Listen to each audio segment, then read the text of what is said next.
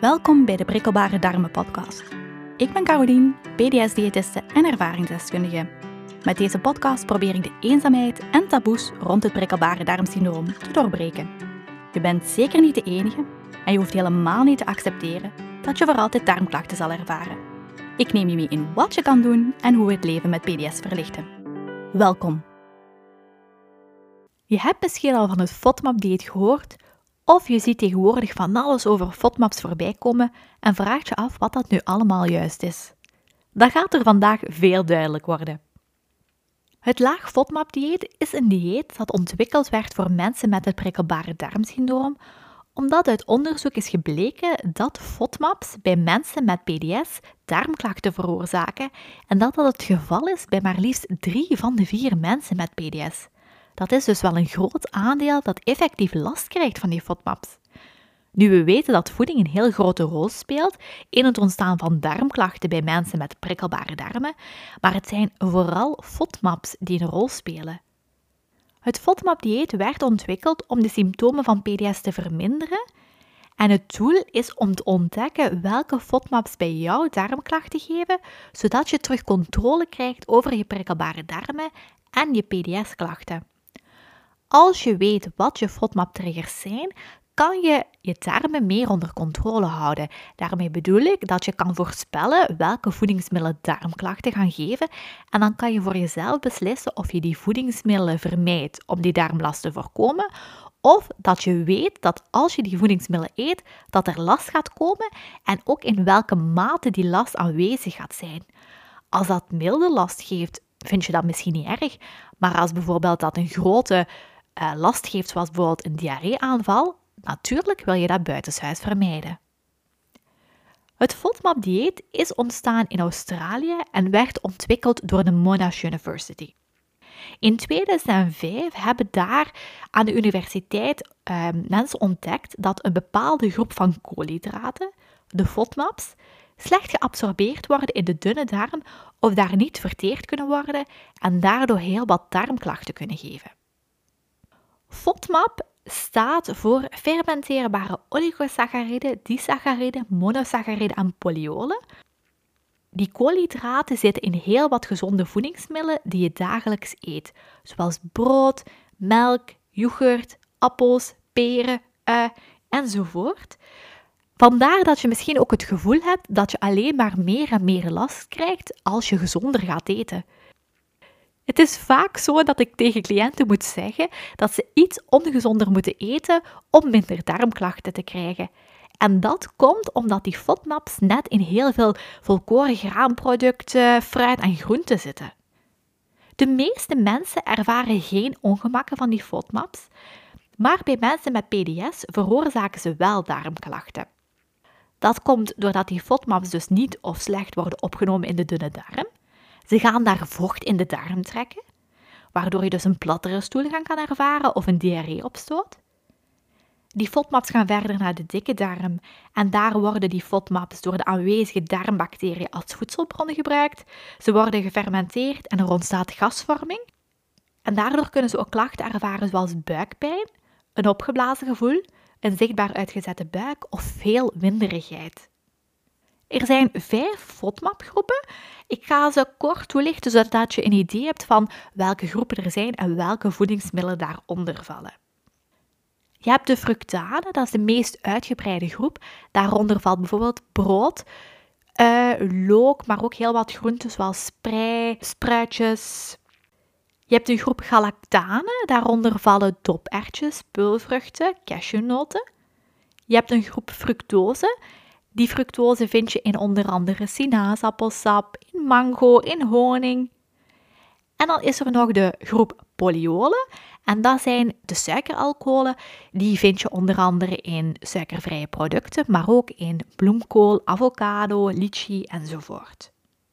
Je hoort het al, er zijn heel wat FODMAPs en er zijn heel wat FODMAP-groepen. Uh, het is de bedoeling dat je gaat achterhalen welke FODMAPs bij jou een rol spelen. Je hebt misschien al wel een vermoeden welke voedingsmiddelen bij jou een rol spelen in het ontstaan van die klachten.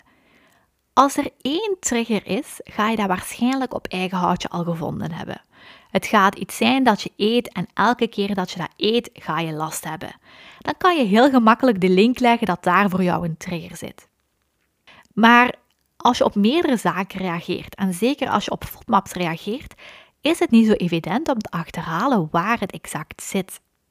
Omdat bij FODMAPs er meerdere FODMAPs een rol kunnen spelen, maar ook FODMAPs kunnen stapelen, gaat het moeilijk zijn om direct daar de vinger op te leggen wat nu bij jou het probleem is. Want je hebt waarschijnlijk al gemerkt dat als je bepaalde zaken eet, dat je dat de ene dag zonder problemen kan eten en dat je de andere dag daar wel op reageert. En je vraagt je misschien af, hoe kan dat nu? Dat is eigenlijk wel logisch, want die FODMAPs die gaan eigenlijk stapelen. We kijken vaak naar hetgene wat we het laatste gegeten hebben, net voor de last, want we vermoeden daar zal de boosdoener wel zitten. En het kan zeker zijn dat daar een boosdoener zit, maar het kan ook zeker zijn dat het een andere FODMAP is die je bijvoorbeeld bij het ontbijt hebt gegeten, dan je darmen geprikkeld heeft, even later nog eens iets gegeten dat ook je darmen prikkelt. En eigenlijk de maaltijd waarna je last ervaart, was gewoon de laatste druppel. Het was gewoon het laatste dat jouw darmen nodig hadden om darmklachten te geven. En hoe dat komt, kan ik je het beste uitleggen aan de hand van het FODMAP-emmertje. We weten niet welke FODMAPs bij jou een rol spelen. Dus we weten ook niet wat jouw emmertje doet vullen of doet overlopen. De ene dag dat je iets eet, gaat je emmertje veel leger zijn. Je eet een maaltijd en je hebt daar geen last van, want dat vult je emmertje een beetje, maar doet het niet overlopen. Je ervaart geen last. Maar enkele dagen later, wanneer je diezelfde maaltijd gaat eten, zit je emmertje misschien al veel meer gevuld. Je eet exact dezelfde maaltijd en dat doet je emmertje overlopen en je hebt last. Daardoor kan het dus zijn dat je de ene keer op iets reageert en de andere keer niet. Dat is ook de reden waarom je vaak tegen het einde van de dag meer last hebt, omdat je doorheen de dag meer en meer eet, dus ook met meer FODMAPs je emmertje vult. Nu, het doel van dat FODMAP-dieet is om je emmertje leeg te maken, om te zorgen dat die darmklachten verdwijnen en om dan te gaan kijken van oké, welke FODMAPs vullen jouw emmertje en doen jouw emmertje overlopen. Soms denk je dat je op iets reageert, maar kan het ook compleet iets anders zijn wat je trigger is. Het kan zijn dat je de voor de hand liggende boosdoener als trigger hebt ontdekt, maar dat het eigenlijk iets totaal anders is dat je toevallig daarbij had, maar wat veel meer onschuldig leek. Dus hou het voor jezelf bij als je denkt dat je ergens een vermoeden hebt, maar weet dat het ook totaal iets anders kan zijn. Vandaar ook dat het FODMAP-dieet een dieet is, een eliminatiedieet, om te achterhalen van waar het exact zit. Dat je ook niet te strikt bent en dat je ook niks overbodig gaat schrappen omdat je denkt dat het een trigger is. Het FODMAP-dieet is geen levenslang dieet. Onthoud het goed, het is geen levenslang dieet. Het FODMAP-dieet is een onderzoeksdieet waarbij je gaat onderzoeken welke FODMAPs bij jou darmklachten veroorzaken. En het dieet die omvat eigenlijk drie fasen. Je hebt een eliminatiefase, een herintroductiefase en een stabilisatiefase. De eliminatiefase duurt 2 à 6 weken. Tijdens de eerste weken ga je eigenlijk alle FODMAP-rijke voedingsmiddelen elimineren om zo je darmklachten te verminderen. Je gaat, zoals het dieet al zegt, het laag FODMAP-dieet, je gaat laag in FODMAPs eten. De meest FODMAP-rijke voedingsmiddelen ga je elimineren en bepaalde voedingsmiddelen die maar een kleine hoeveelheid FODMAPs bevatten, ga je beperken. Als je merkt dat je darmklachten afnemen, schakel je in het dieet naar de volgende fase. Je gaat naar de herintroductiefase, die 8 à 12 weken duurt. En dan ga je via een specifiek testschema uitzoeken op welke van die FODMAP-groepen je exact reageert en vanaf welke hoeveelheid dat, dat is. Het is niet nodig om alle voedingsmiddelen één voor één te gaan testen. Dan zou je maanden bezig zijn. Nee, we werken met een specifiek testschema, zodat je per FODMAP-groep kan kijken waar je op reageert. Als je eenmaal weet welke jouw FODMAP-triggers zijn, dan ga je naar de stabilisatiefase. In de stabilisatiefase ga je eigenlijk enkel jouw triggers, de FODMAP-triggers die je ontdekt hebt, beperken of vermijden. En alle FODMAPs uh, en FODMAP-groepen en voedingsmiddelen die FODMAPs bevatten, die bij jou geen last geven, mag je uiteraard nadien terugeten. Dus het is heel belangrijk dat je al die drie fasen doorloopt. Het is niet de bedoeling dat je in die eliminatiefase blijft zitten. Het is de bedoeling dat je in die eliminatiefase gaat zorgen dat die darmklachten afnemen, vervolgens gaat uitzoeken wat last geeft en op het einde enkel laat wat bij jou darmklachten veroorzaakt. Nu, als je het FODMAP-dieet doorlopen hebt en je hebt je FODMAP-triggers ontdekt, weet dat ook je niet levenslang aan die tolerantiegrenzen of die triggers gaat vastzitten. Voor heel wat FODMAP-groepen ga je je tolerantiegrens kunnen verhogen. Met die tolerantiegrens bedoel ik welke hoeveelheid je van een specifiek voedingsmiddel kan eten zonder dat je last krijgt. Het is heel vaak portie gerelateerd, dus dat je bijvoorbeeld maximum x aantal gram van een voedingsmiddel kan eten zonder last, maar eet je meer dan die hoeveelheid, dus meer dan je tolerantiegrens, dan pas gaan er klachten optreden.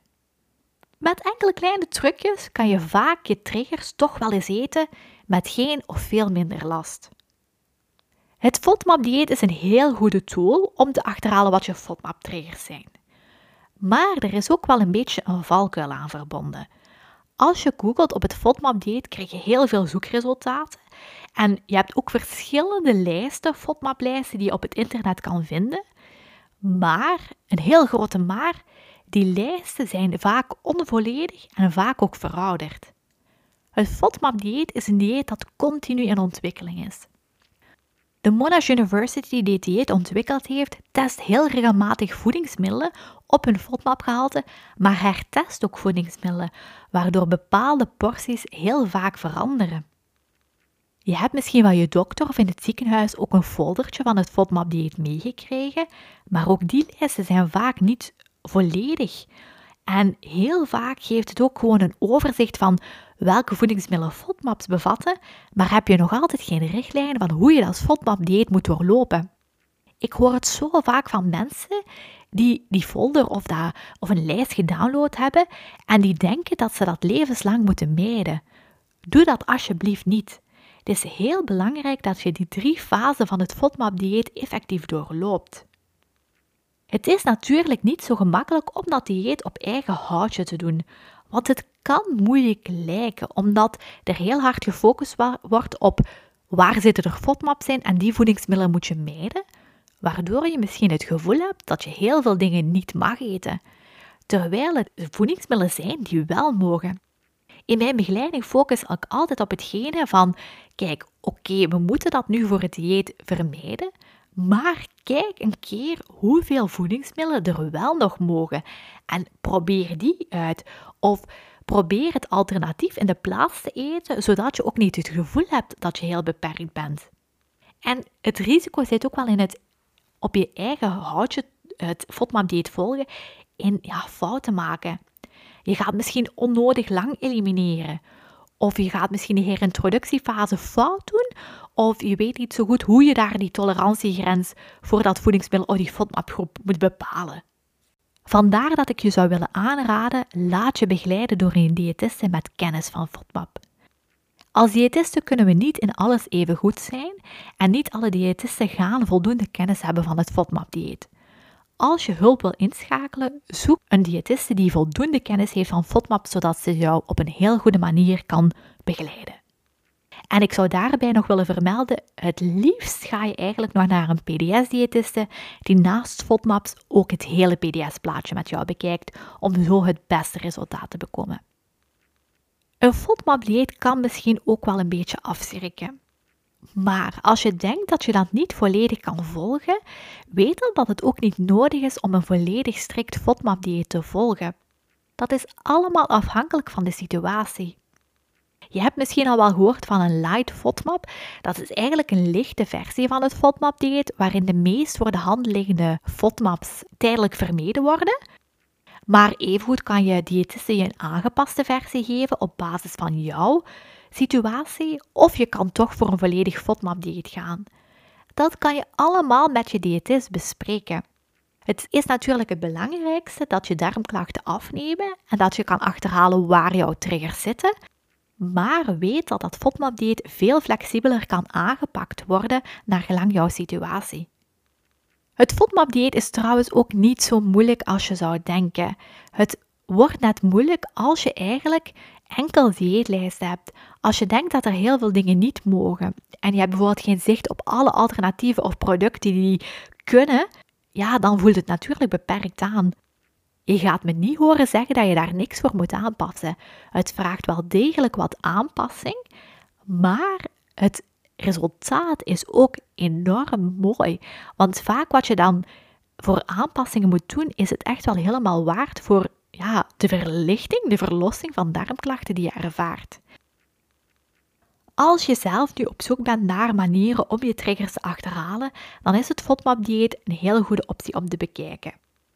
Hou er wel rekening mee dat niet alleen FODMAPs darmklachten veroorzaken, maar dat er ook nog heel wat andere voedingstriggers, slechte gewoontes, levensstijlfactoren of externe factoren een rol spelen in het ontstaan van je PDS-klachten. Vandaar dat ik in mijn cursus PDS ontprikkeld en in mijn begeleidingstraject het PDS Powerplan naast FODMAPs ook nog verder kijk naar die andere factoren, dat we samen het hele PDS-plaatje bekijken, zodat mijn cliënten het beste resultaat krijgen, ehm, dat zij weten wat er allemaal een rol speelt bij hun darmklachten en dat ze daar echt volledige inzicht in krijgen. Heb ik je met deze aflevering geprikkeld om het FODMAP-dieet te proberen? Super! De belangrijkste stap is starten in het zoeken naar een oplossing voor je PDS-klachten. Het FODMAP-dieet is niet gemakkelijk, maar als je het toch op je eigen houtje wil doen en van de eerste keer juist, dan raad ik je mijn online cursus PDS ontprikkeld aan. Met de cursus ontleed je je prikkelbare darmen, ga je op zoek naar je persoonlijke triggers en leer je je voedingspatroon en levensstijl aanpassen, zodat jouw darmen rustig blijven op korte en lange termijn. Het is een uitgebreid maar zeer duidelijk stappenplan dat je op je eigen tempo kan doorlopen. Je kan je inschrijven via de link in de notities van deze aflevering en weet dat je in slechts twee weken al beterschap kan ervaren. We zijn al december en het einde van het jaar komt in zicht, maar ook de feestdagen. En die zijn een hele uitdaging als je prikkelbare darmen hebt. In de volgende aflevering deel ik al mijn tips voor deze periode van het jaar.